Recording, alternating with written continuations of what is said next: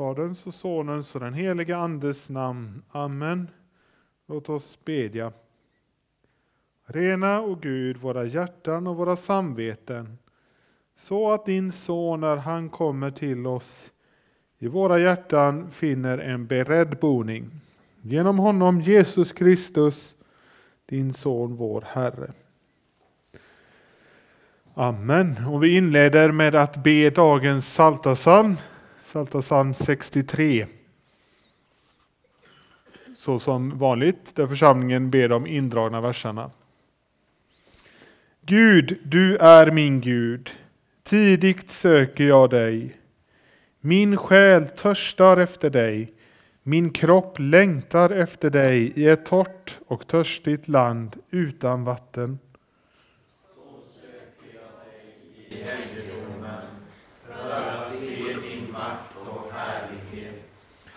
Din nåd är bättre än liv. Därför ska mina läppar prisa dig. Jag ska lova dig så länge jag lever. I ditt namn ska jag lyfta mina händer. Min själ blir mättad som av feta rätter. Med jublande läppar lovsjunger min mun.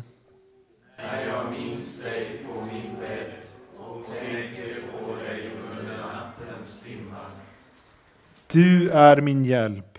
I dina vingars skugga jublar jag. Min själ håller sig tätt intill dig. Din höga hand stöder mig. Ära vare Fadern och Sonen och den helige Ande. Så som det var av begynnelsen, nu är och skall vara, från evighet till evighet. Amen. Min själ törstar efter dig, min kropp längtar efter dig i ett torrt och törstigt land utan vatten.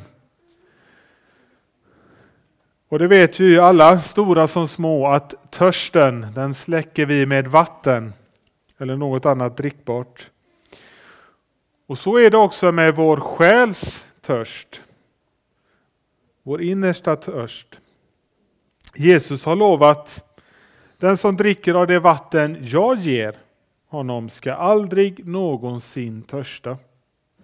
Vilket löfte att aldrig någonsin törsta. Det har den löfte om som dricker av det vatten som Jesus ger. Trots att vi nu har detta löfte så söker våra oroliga hjärtan ständigt nya källor för att släcka våra olika begär och stilla vår oro. Kanske kan jag må lite bättre om jag testar det där. Kanske kan jag få mer framgång om jag testar den vägen. Kanske kan mina begär stillas om jag ägnar mig åt det där.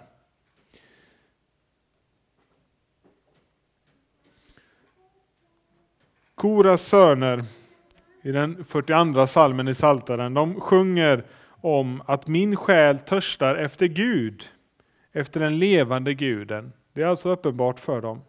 Och likväl så sjunger samma Koras söner i några verser senare Varför så bedrövad min själ?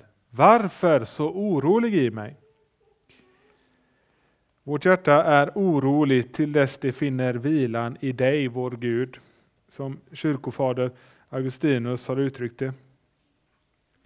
Den oro, eller törst eller tomhet som människan har, den kan inte befrias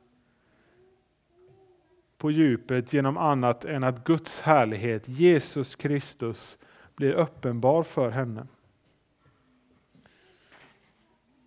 Men även vi som har fått möta friden, hjärtats frid i tro på Jesus Kristus, vi blir inte av med vårt oroliga hjärta här i tiden.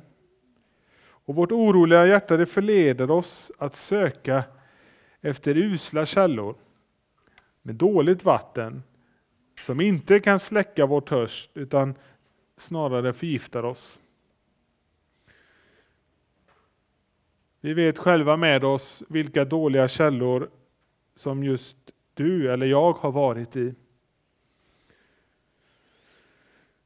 Därför behöver vi, lika väl som vi regelbundet behöver släcka vår vanliga törst, komma inför Gud för att släcka också själens törst.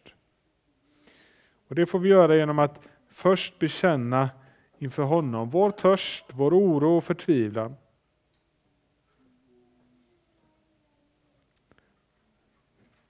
Så att vi också erkänner både inför Gud och inför oss själva törsten så att vi också kan ta emot vad han vill ge oss.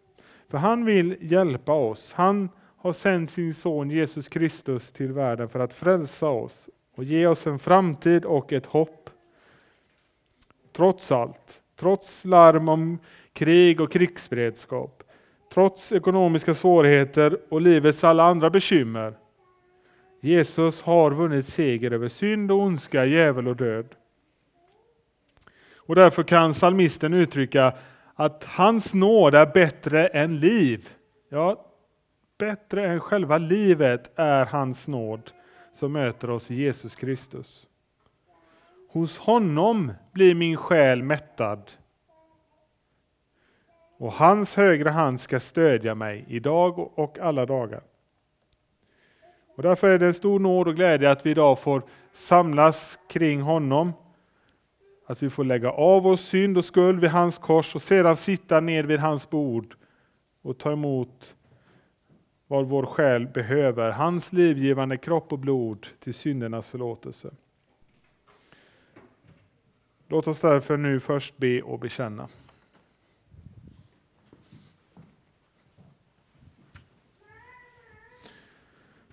Jag bekänner inför dig, helige och rättfärdige Gud, att jag ofta och på många sätt har syndat med tankar, ord och gärningar. Tänk på mig i barmhärtighet och förlåt mig för Jesu Kristi skull vad jag har brutit. Herre, hör nu varje hjärtas tysta bekännelse.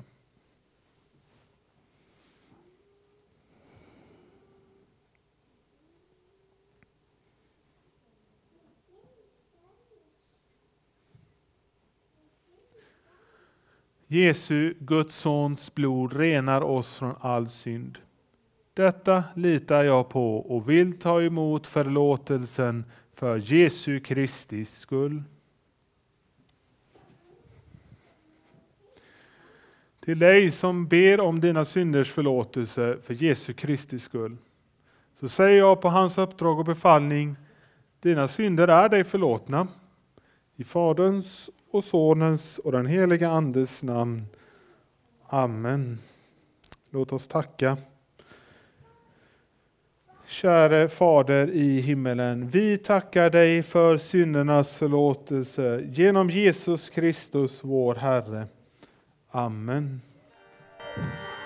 Helige Herre Gud, helige starke Gud, Helige barmhärtige frälsare, du evige Gud, förbarma dig över oss.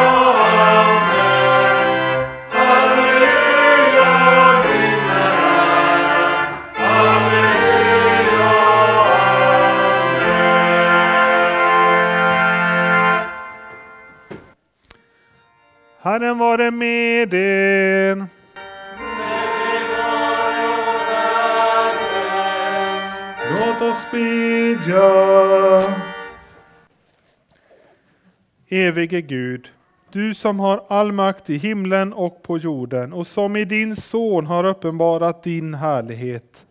Öppna våra ögon och hjärtan så att vi i hans ord och gärningar ser din kärlek uppenbarad. Genom din son Jesus Kristus, vår Herre. Amen. Vi firar idag andra söndagen efter trettonde dagen och vi ska lyssna till Herrens ord idag på denna söndag. Och den, först den gammaltestamentliga läsningen ur Andra Mosebok. Jag ska vara nådig mot den jag vill vara nådig mot och förbarma mig över den jag vill förbarma mig över. Men mitt ansikte kan du inte få se, för ingen människa kan se mig och leva. Sedan sade Herren, se, här är en plats nära intill mig. Ställ dig där på klippan. När min härlighet går förbi ska jag ställa dig i en klyfta i klippan, och jag ska låta min hand vara över dig tills jag har gått förbi. Sedan ska jag ta bort min hand, och då ska du få se mig på ryggen, men mitt ansikte kan ingen se. Och vi lyssnar också till dagens epistel ur Efesebrevet. I Jesus Kristus är vi friköpta genom hans blod och har förlåtelse för våra synder, tack vare den rika nåd som han lät flöda över oss med all vishet och insikt. Han har låtit oss få veta sin viljas hemlighet, enligt det beslut han har fattat i Kristus, den plan som skulle genomföras när tiden var inne, att sammanfatta allt i himlen och på jorden i Kristus. I honom har vi också fått vårt arv, förutbestämda till det av honom som utför allt efter sin viljas beslut, för att vi som först har satt vårt hopp till Kristus ska bli till hans ära och pris. I honom har också ni, när ni hörde sanningens ord, evangeliet om er frälsning, i honom har också ni, när ni kom till tro, fått den utlovade heliga Ande som ett sigill. Anden är ett förskott som garanterar vårt arv, att hans eget folk ska befrias till hans ära och pris. Så lyder Herrens ord. Gud, vi tackar dig.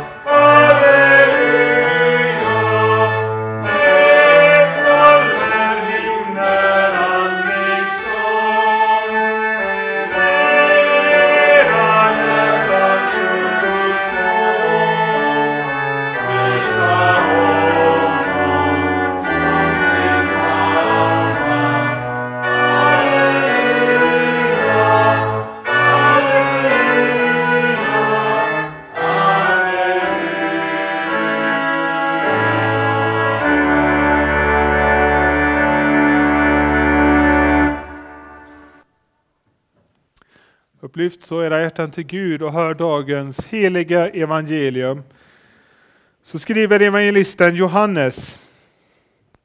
På tredje dagen var det ett bröllop i Kana i Galileen och Jesu mor var där. Även Jesus och hans lärjungar var bjudna till bröllopet. Men vinet tog slut och Jesu mor sade till honom, de har inget vin. Jesus svarade henne, Kvinna, vad har vi med det att göra? Min stund har inte kommit än. Hans mor sade till tjänarna, Gör vad han säger till er. Nu fanns det sex stenkrukor, sådana som judarna använder vid sina reningar. Det rymde omkring hundra liter var. Jesus sade, Fyll krukorna med vatten, och de fyllde dem till bredden. Sedan sade han, Ös nu upp och bär in det till världen. Och det gjorde så.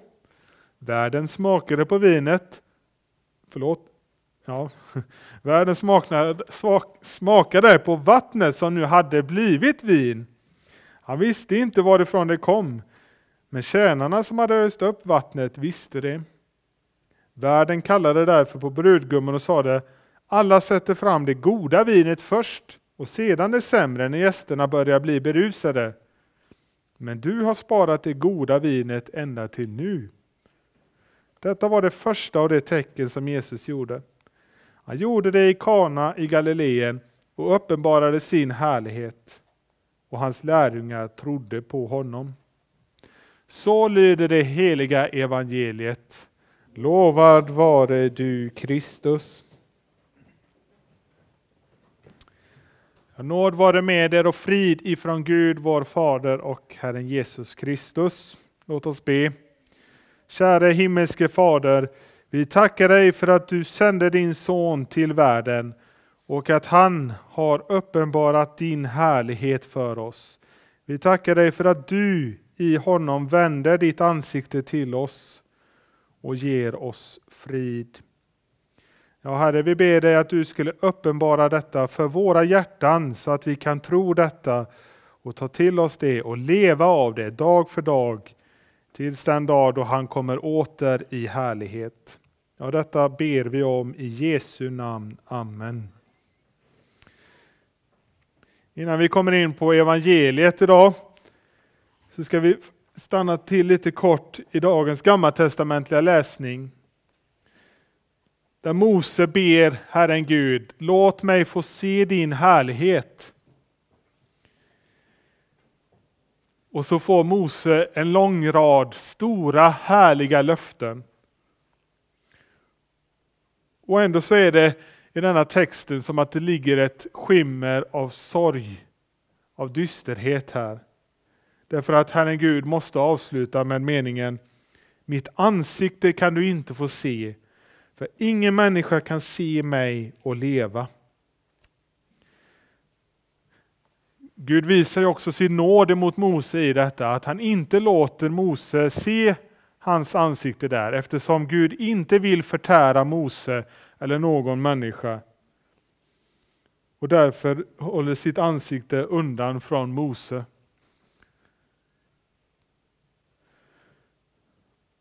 Men tänk att inte få se Gud ansikte mot ansikte. Min skapare, min Herre. Det är mot denna bakgrund som vi ska läsa och höra om dagens evangelium, där det avslutades med de orden att Jesus uppenbarade sin härlighet. Sin härlighet. Och då ska vi komma ihåg att i Bibeln så talas det närmast uteslutande om härlighet såsom Guds härlighet. För vi vet ju att, som aposteln Paulus skriver i Romarbrevet, att vi människor har syndat och saknar härligheten från Gud. Vi människor äger ingen härlighet i oss själva. Men denna människa, Jesus Kristus, han uppenbarar sin härlighet, det vill säga Guds härlighet.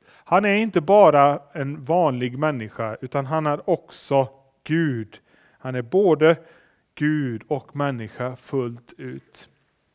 Ni som har eh, våra evangelieböcker, eh, Och det står också i psalmboken, den, söndag, eller förlåt, den helgdag vi firade förra lördagen, 13 dag jul, den har ett litet, eh, en underrubrik, eller ett eh, alternativt namn, nämligen Epifania. Epifania som är ett grekiskt ord som betyder just det, uppenbarelse. Och ordet uppenbarelse, eh, jag tror att jag har nog använt denna bilden innan här, men eh, då får ni ta det som en repetition. Men just uppenbarelse, det kan jämställas vid att Eh, om eh, eh, det har till exempel tillverkats en stor och fin staty och denna ska invigas, då brukar det ofta, det kanske ni har sett, att det hänger ett stort vitt skynke över statyn för att ingen ska få se innan själva invigningen äger rum. Och så är det någon som står där och så drar undan skynket och så får alla se vem det är eller hur statyn ser ut. Det blir liksom uppenbart, uppenbarat vem det är. Och nu hör vi alltså att Jesus uppenbarar sin härlighet här i Kana i Galileen. Och just att eh, 13 dag jul kallas för Epifania det hänger samman med just det att 13 dag jul och sen den första och den andra söndagen efter 13 dagen som vi firar idag. De, de talar just om detta, hur Jesus uppenbarar sin härlighet. Nu hade vi ingen gudstjänst här förra söndagen, men då var det första söndagen efter 13 dagen. Och då talades det om Jesu dop. Och vid Jesu dop, när han döptes av Johannes döparen, så, så sägs det att Fadern talade från himmelen och anden svävade över Jesus. Det blev uppenbart att denne Jesus var ingen vanlig människa. Utan han, det var han också, men han var också någonting mer. Han var också Guds son. Och på samma sätt så blir det uppenbart också i dagens evangelium att Jesus, han är Guds son. Han gör vatten av vin. Så det blir uppenbart vem Gud vem Jesus är. Och de här två händelserna eh, de stryker också under vad det är som liksom ska ske med att Jesus kommer till jorden. Gud hade en gång i, i tidernas begynnelse skapat allting. Allting var gott. Och så kom syndafallet in i världen och bröt ner det fina som Gud hade skapat. Men när Jesus kommer så påbörjas Guds nyskapelse av världen. Och Det blir väldigt tydligt med just de här två händelserna. Vid Jesu dop så talar Fadern. När hade Fadern talat tidigare? Jo, i begynnelsens morgon, i skapelsens morgon. Då talade Gud och allt blev till. Och så står det att anden svävade över vattnet. På samma sätt som anden svävade över Jesus vid hans dop i vattnet. Och I dagens evangelium hör vi om hur Jesus liksom skapar vin av vatten. Här sker en nyskapelse, det är någonting nytt som kommer.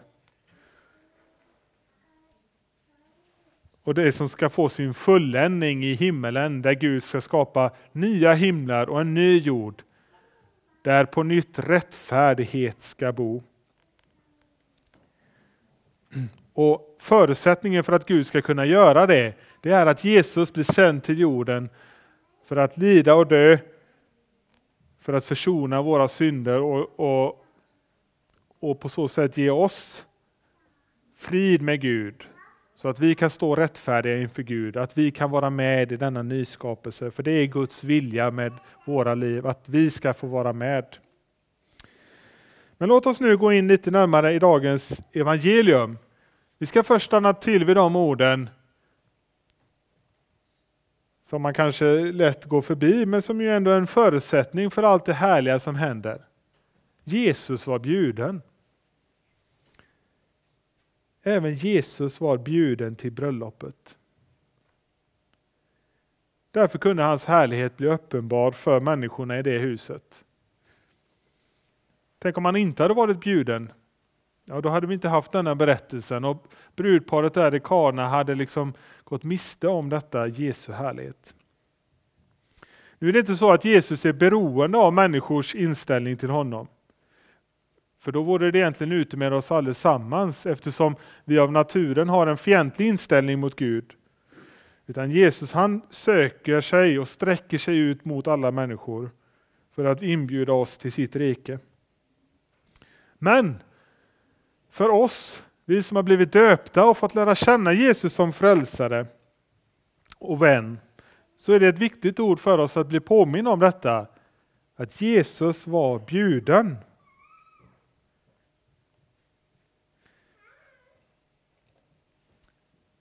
Då fick brudparet erfara undret som skulle vända en svår situation till något stort och glädjefyllt. Så kunde det bli eftersom Jesus var bjuden. Frågan vi får ställa oss är, hur är det med dig och mig? Med oss och i våra hem? Har Jesus en lika självklar plats där? Och då kanske inte bara vid julens högtid eller vid helgen, utan också i vardagen, ja alla dagar. Och hur är Jesus bjuden hem till oss? Jo, det är på det sättet att vi låter honom få vara med. Att han får tala till oss i sitt ord som vi har i våra biblar. Och att vi låter honom få veta alla våra önskningar genom bön och åkalla med tacksägelse som aposteln Paulus skriver om. Är Jesus bjuden hem till oss? För detta det är att bjuda Jesus hem till oss, att, han, att hans närvaro ständigt får påminnas oss. Så att vi själva och våra barn, våra efterkommande, får uppleva det att Jesus är hemmets givne. Inte bara tillfälliga gäst, utan den ständiga gästen. Då får vi också erfara hur han välsignar oss med så mycket gott. Men också att han lika fullt är med oss i de svåra stunderna som också ett sådant hem får erfara. Men så mycket oro och så många svårigheter i hemmen som skulle få ett annat ljus om Jesus var bjuden in. Och Det var det som brudparet i Kana fick vara med om. Det var det första, att Jesus var bjuden som vi skulle stanna upp vid. Sen var det ju detta, de har inget vin. De har inget vin, Jesus. Jesu mor, om någon, visste ju välsignelsen av att ha Jesus i sitt hem. Hon hade ju haft det i, i runt 30 år. Och även om det nu inte återges mycket av Jesu uppväxt i evangelierna så förstår vi av Marias agerande att närvaron av Jesus i hennes hem hade gjort intryck på henne. Hon visste att när hon upptäckte nöden i detta hemmet de nu besökte, att det var till Jesus hon skulle gå. Med det. det annars är det ett märkligt agerande. Varför skulle Maria gå till en annan gäst som visserligen var hennes son, och uttrycka denna nöden. Men hon visste vem hon skulle gå till. Må hon vara ett exempel för oss i detta, att gå till Jesus med vår nöd. Och även om hans svar verkande avvisande, och det, det, om man, det här ordet kvinna som Jesus använder om sin mor, det, eh, det, förstår vi att det är något avvisande. Så skulle man egentligen inte tala till sin mor kan man tycka. Eh, eh, men, men, men Jesus vill ju pröva Maria i detta. Och även om hans svar verkade avvisande så tappade Maria inte tilltron till honom. Utan istället så vänder hon sig till tjänarna och uppmanar dem Gör vad han säger till er. Hon blir liksom inte sur och besviken över att Jesus här och nu inte vill höra hennes bön. Utan hon fortsätter att visa sin tilltro till honom Gör vad han säger till er. Även om han inte vill hjälpa. Eller det kan synas så. Detta lär oss att vi får kasta alla våra bekymmer på honom som har omsorg om oss och, för, och i förtröstan till hans goda ledning göra vad han befaller oss. Gör vad han säger till er.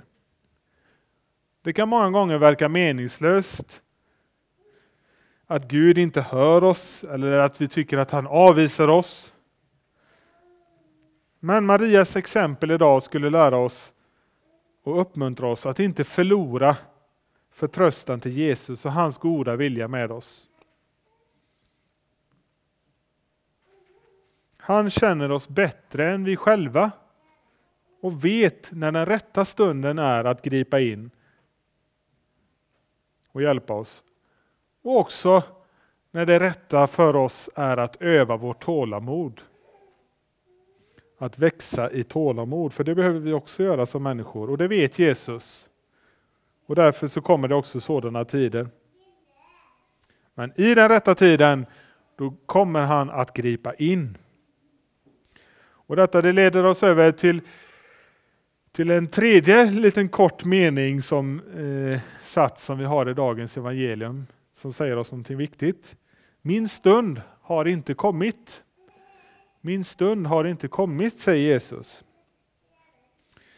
Och just detta uttrycket min stund, det är något signifikant för evangelisten Johannes. Som ju dagens evangelium är hämtat ifrån. Inte mindre än tio gånger så talar Johannes, eh, eller återger Johannes om hur Jesus talar om min stund, eller stunden. Och då ska vi ha klart för oss att det är först i det tolfte kapitlet, alltså tio kapitel längre fram i Johannesevangeliet, när vi närmar oss Jesu lidande och död, som Jesus äntligen säger orden stunden har kommit när Människosonen ska förhärligas. Så att det som påbörjades där vid Jesu dop och när undret i Kana, det når sin fulländning först när vi närmar oss korset. För vad är det Jesus börjar tala om där när han säger stunden har kommit? Är det sin himmelsfärd? Eller att alla människor ska komma till tro på honom? Eller något annat storartat som ska ske? Nej, nu har jag ju redan avslöjat det. Han talar om hur han, liksom vetekornet, han, och det är i detta sammanhang som Jesus talar om vetekornet som måste ner i jorden och dö. Varför då? Jo, för att det ska kunna växa upp och bära rik frukt så att det kan mätta ännu flera. På detta sätt liknar Jesus, Jesus sitt liv vid att han måste bli upphängd på korset. Han måste lida och dö för våra synders skull och läggas i graven för att han ur graven ska kunna uppstå med liv till oss. Att han ska kunna bli till välsignelse för oss. Där och då har stunden kommit för Människosonen att fullt ut förhärligas.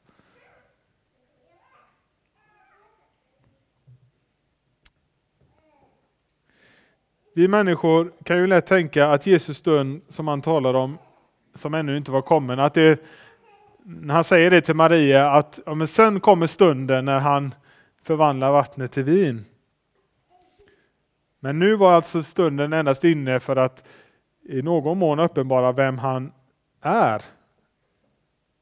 Men stunden med stort S, om vi får lov att säga så, stunden som på allvar skulle förändra våra förutsättningar från hopplöshet och mörker och till en hopp om en ljus framtid, den var inne på korset.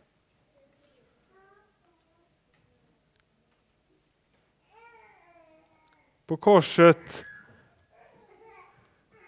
blir det klart och uppenbart för oss att Gud har vänt sitt ansikte till oss. Samme Gud som Mose endast fick se på ryggen för att han inte skulle kunna tåla att se Guds ansikte. Denne Gud har nu vänt sitt ansikte till oss och ger oss frid genom hans sår. Och detta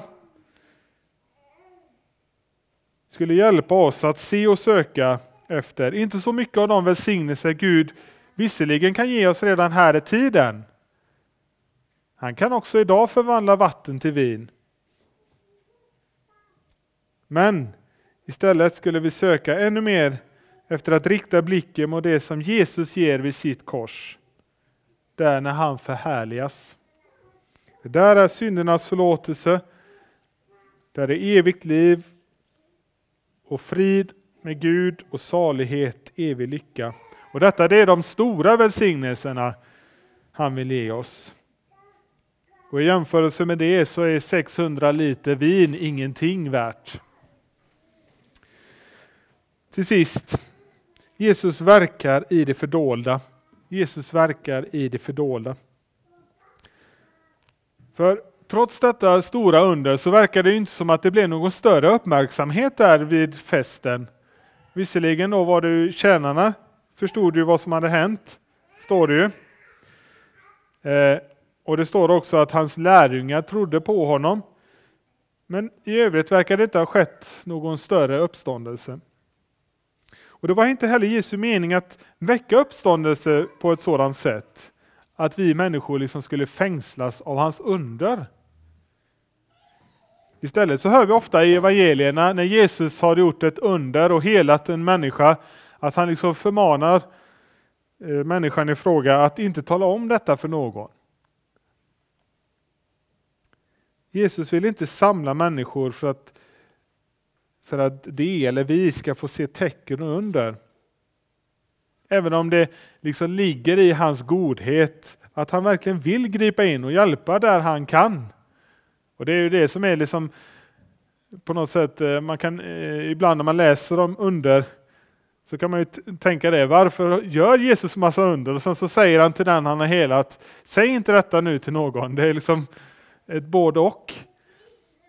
Men det är just detta att Jesus vet att, att om vi människor börjar söka honom för under och tecken så tenderar vi att gå miste om den största välsignelsen, det vill säga det som strömmar från hans kors.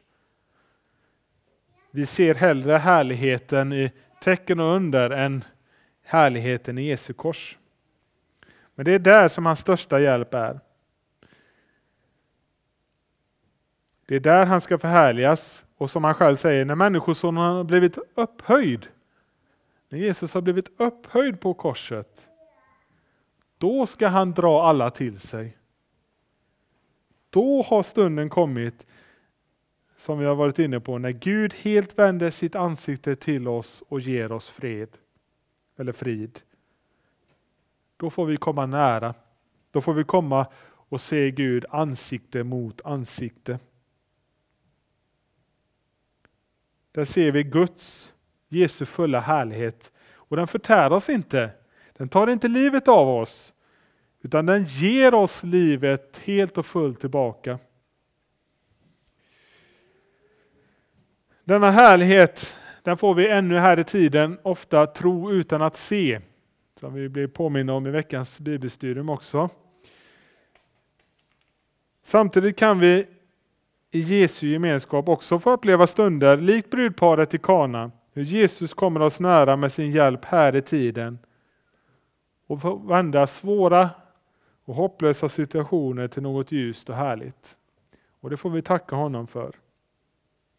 Men framför allt får vi tacka honom för att han är den som bevarar oss genom en ond, svår och farlig värld och leder oss mot den stund när vi får gå in i den nya skapelsen. Och då vi också fullt ut ska skåda Gud ansikte mot ansikte.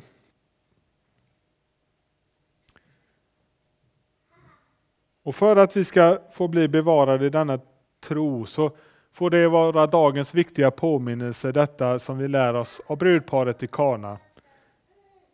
Att Jesus fick vara bjuden, att Jesus fick vara med.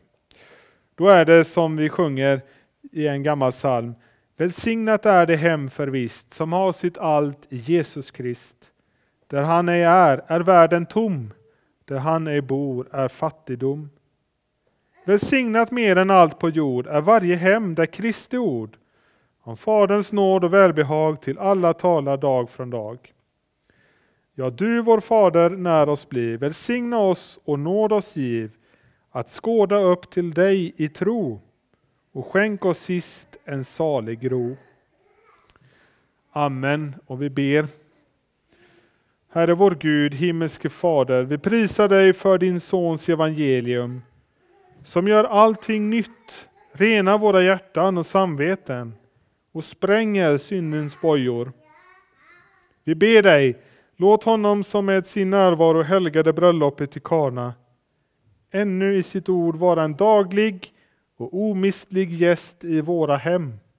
Hjälp oss genom din heliga Ande att inte svika förbundet som din son ingått med oss i vårt dop och förspilla hans nåd, utan bevaras i en rätt tro och ett heligt liv, dig till ära och oss till salighet. Amen. Låt oss så högt och gemensamt bekänna vår heliga kristna tro. Vi tror på Gud Fader allsmäktig, himmelens och jordens skapare. Vi tror också på Jesus Kristus, hans enfödde Son, vår Herre, vilken är avlad av den heliga Ande, född av jungfrun Maria, pinad under Pontius Pilatus, korsfäst, död och begraven, nederstigen till dödsriket, på tredje dagen uppstånden igen ifrån de döda, uppstigen till himmelen, sittande på allsmäktig Gud Faders högra sida, därifrån igenkommande till att döma levande och döda. Vi tror också på den helige Ande, en helig allmännelig kyrka, det heliga samfund, syndernas förlåtelse, det dödas uppståndelse och ett evigt liv.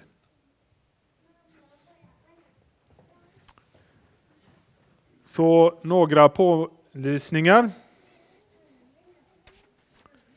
Idag ber vi att få ta upp en kollekt till vår församling, Helga Trefaldighets församling här i Alvesta. Eh, om Gud vill och vi får leva, på tisdag så är det bibelskola för de yngre barnen, 6 12 år. En trappa ner med början klockan halv sex. Eh, så varmt välkomna till en ny termin med det.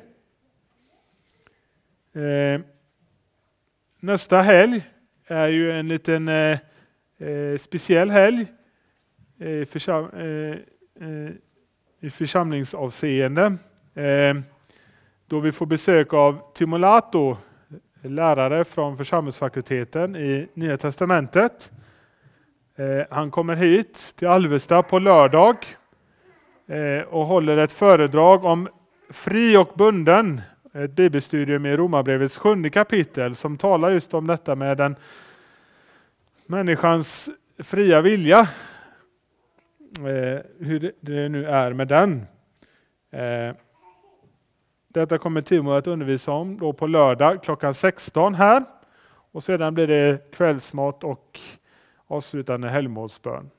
Så det är på lördag med början klockan 16. Sedan på söndag så firar vi en gemensam högmässa med vår eh, systerförsamling i Emmaboda, Sankt Andreas lutherska församling. Eh, dit alla är varmt välkomna. Och där är högmässan då klockan 10 på härlig förmiddagsgudstjänsttid. Så högmässa i Emmaboda klockan 10. Och det är Joakim som leder den och så är det Timo som predikar där i Emmaboda på söndag. Eh, och sedan är församlingen där vänlig nog att bjuda på lunch. Men eh, avser ni då att åka dit så, eh, så är det bra att anmäla det till Ylva Eh, i församlingen där. Och eh, hennes telefonnummer står på en lapp som ligger där bak vid eh, bordet med böcker. Det finns några stycken exemplar där så man kan ta med sig en sån lapp hem så får man också ett kom ihåg vilka tider det var som gällde. Men alltså nästa söndag, ingen högmässa här i Alvesta utan högmässa i Emmaboda. Och är det så att någon vill eh, kanske samåka eller så, så går det säkert också bra. Då kan man höra av sig till mig så kan jag samordna det. Så varmt välkomna nästa helg, men alltså på lördag här klockan fyra. Kollekt har jag redan pålyst om Arne, så att, eh, Det är nog bara du som har missat det. Nej. det eh, men jag tror att det var allt jag skulle säga idag. Så önskar jag er till sist att Guds frid som övergår allt förstånd bevara era hjärtan och era tankar i Kristus Jesus, vår Herre. Amen. Thank you.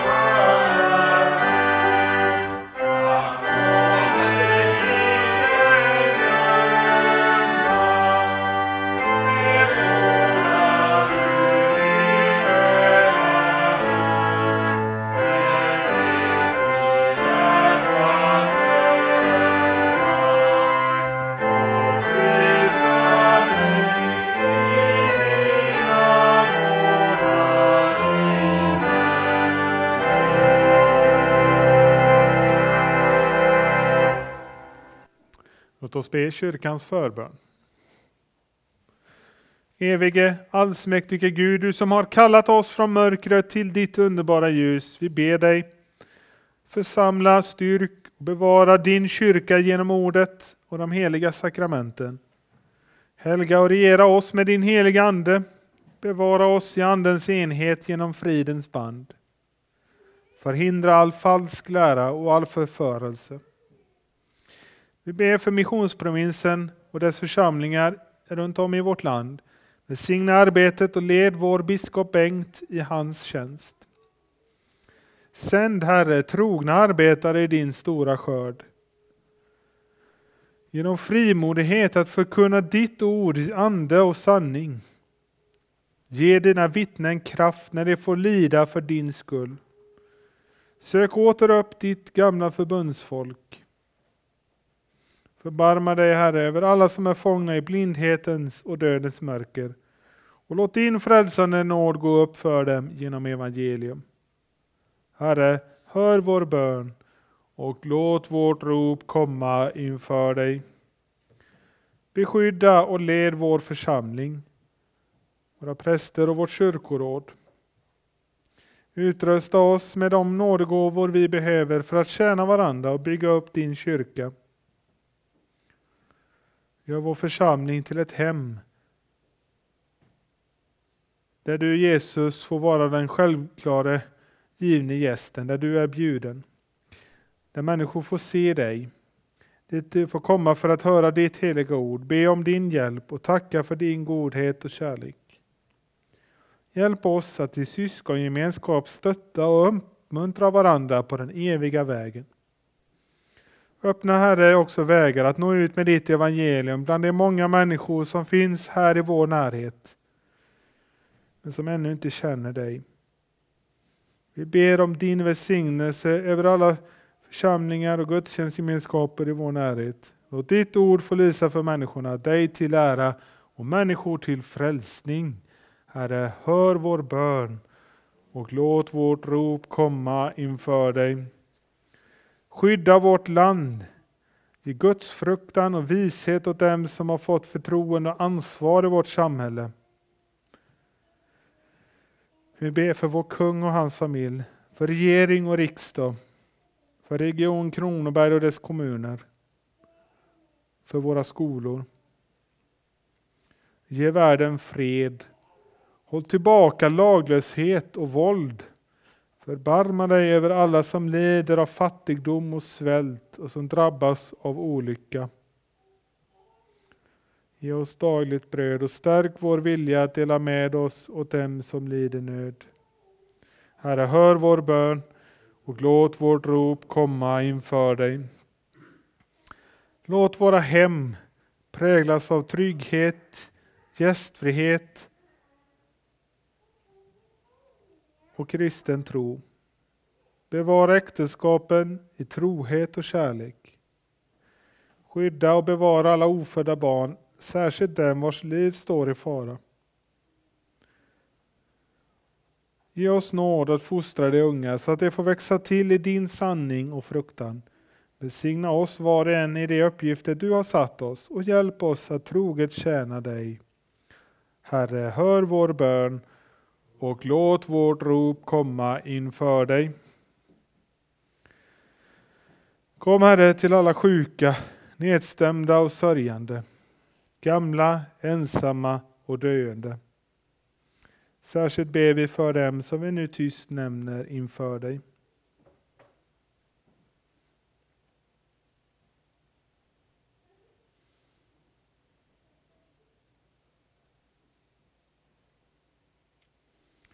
Sänd oss till dem som behöver vår omtanke och vårt stöd. Sök alla dem som är i fara att komma bort från dig. Omvänd de vilsegångna. Gör oss alltid beredda att svara var och en som ber oss förklara det hopp vi äger. Herre, hör vår bön och låt vårt rop komma inför dig. Följ oss hela livet med din nåd. Gör oss fasta i tron. Skänk oss efter detta förgängliga liv en evig salighet i kraft av Lammets blod. Med underbara gärningar bönhör du oss i rättfärdighet, du vår frälsningsgud. Därför ber vi om allt detta genom Jesus Kristus, din Son, vår Herre. Amen.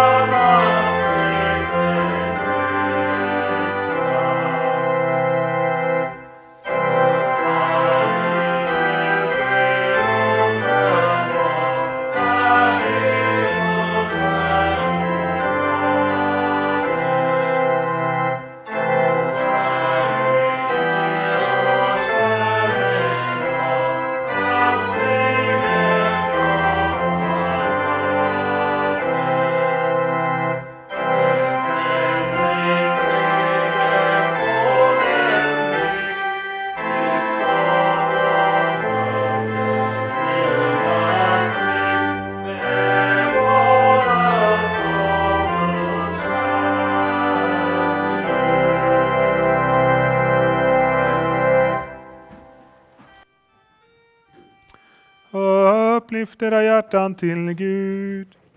Vi upplyfter våra hjärtan. Låt oss tacka Gud vår Herre.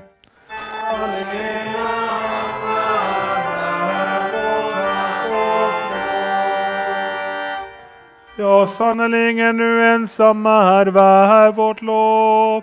Allsmäktige Fader, helige Gud. Dig vill vi prisa och välsigna genom Jesus Kristus, vår Herre. Han är din härlighets återsken och ditt väsens avbild. I honom uppenbarade du din härlighet för världen. Den som följer honom vandrar inte i mörkret utan har livets ljus. Därför vill vi med dina trogna i alla tider och med hela den himmelska härskaran prisa ditt namn och tillbedjande sjunga.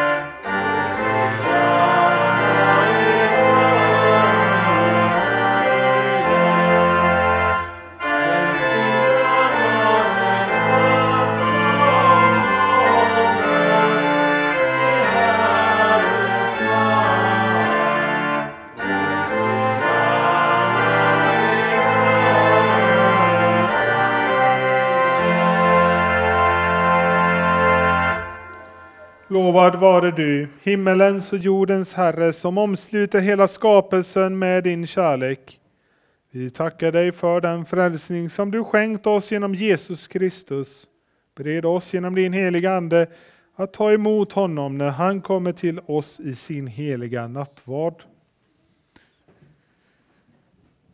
Den natt då han blev förrådd tog han ett bröd, tackade, bröt det och gav åt lärjungarna och sade Tag och ät. Detta är min kropp som blir utgiven för er. Gör detta till min åminnelse.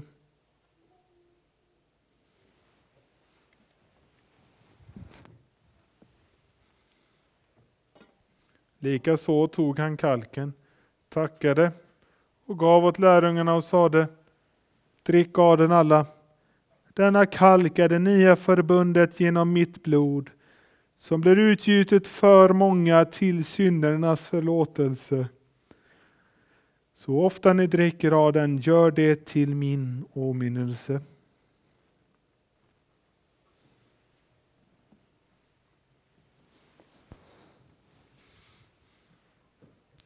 Din död förkunnar vi, Herre, din uppståndelse bekänner vi till dess du kommer åter i härlighet. Himmelske Fader, vi tackar dig för att du i denna måltid skänker oss de välsignade frukten av din Sons lidande och död, uppståndelse och himmelsfärd. Ge oss liv av hans liv så att han förblir i oss och vi i honom. I den helige Ande och med dina trogna i alla tider ber vi så som din son själv har lärt oss. Fader vår som är i himmelen. Helgat var det ditt namn. Tillkommer ditt rike. Ske din vilja som i himmelen så och på jorden. Vårt dagliga bröd giv oss idag och förlåt oss våra skulder så som och vi förlåta dem oss skyldiga äro. Och inled oss inte i frestelse utan fräls oss ifrån ondo. Ty riket är ditt och makten och härligheten i evighet. Amen.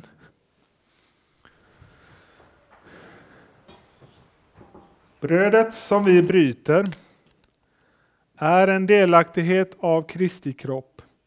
Så är vi, fastän många, en enda kropp, Ty alla får vi del av ett och samma bröd.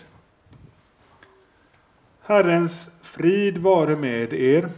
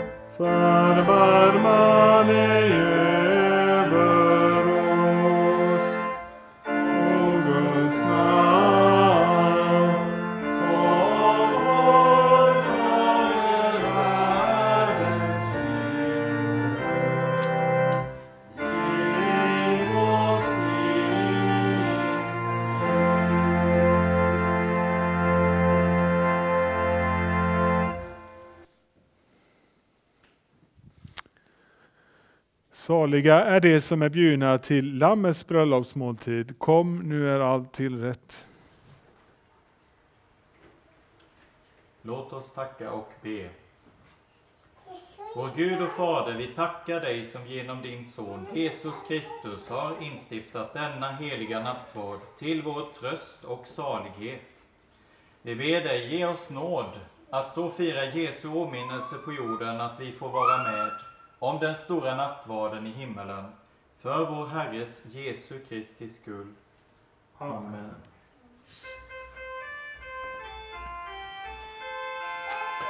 Låt oss tacka och lova Herren.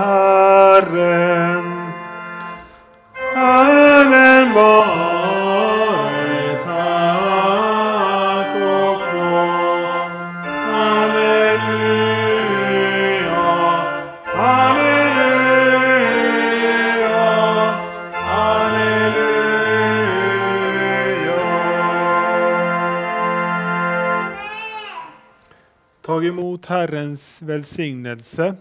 Herren välsigne er och bevare er. Herren låter sitt ansikte lysa över er och vare er nådig.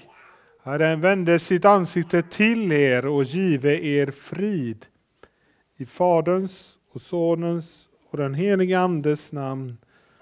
Amen, amen, amen.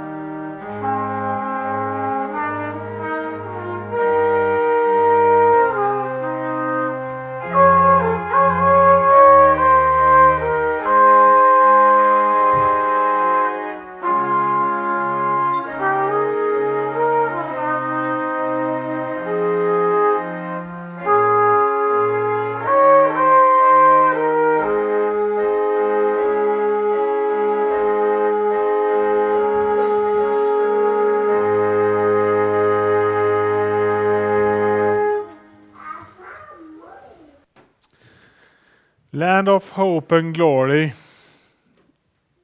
Tack vare Jesus så har han öppnat vägen till det verkliga landet av härlighet och hopp. Om vi kan översätta det så. Tack så mycket Johannes och Agnes för musiken. Och vår högmässa är slut, så låt oss så gå i frid i vår Herres Jesu Kristi namn. Amen.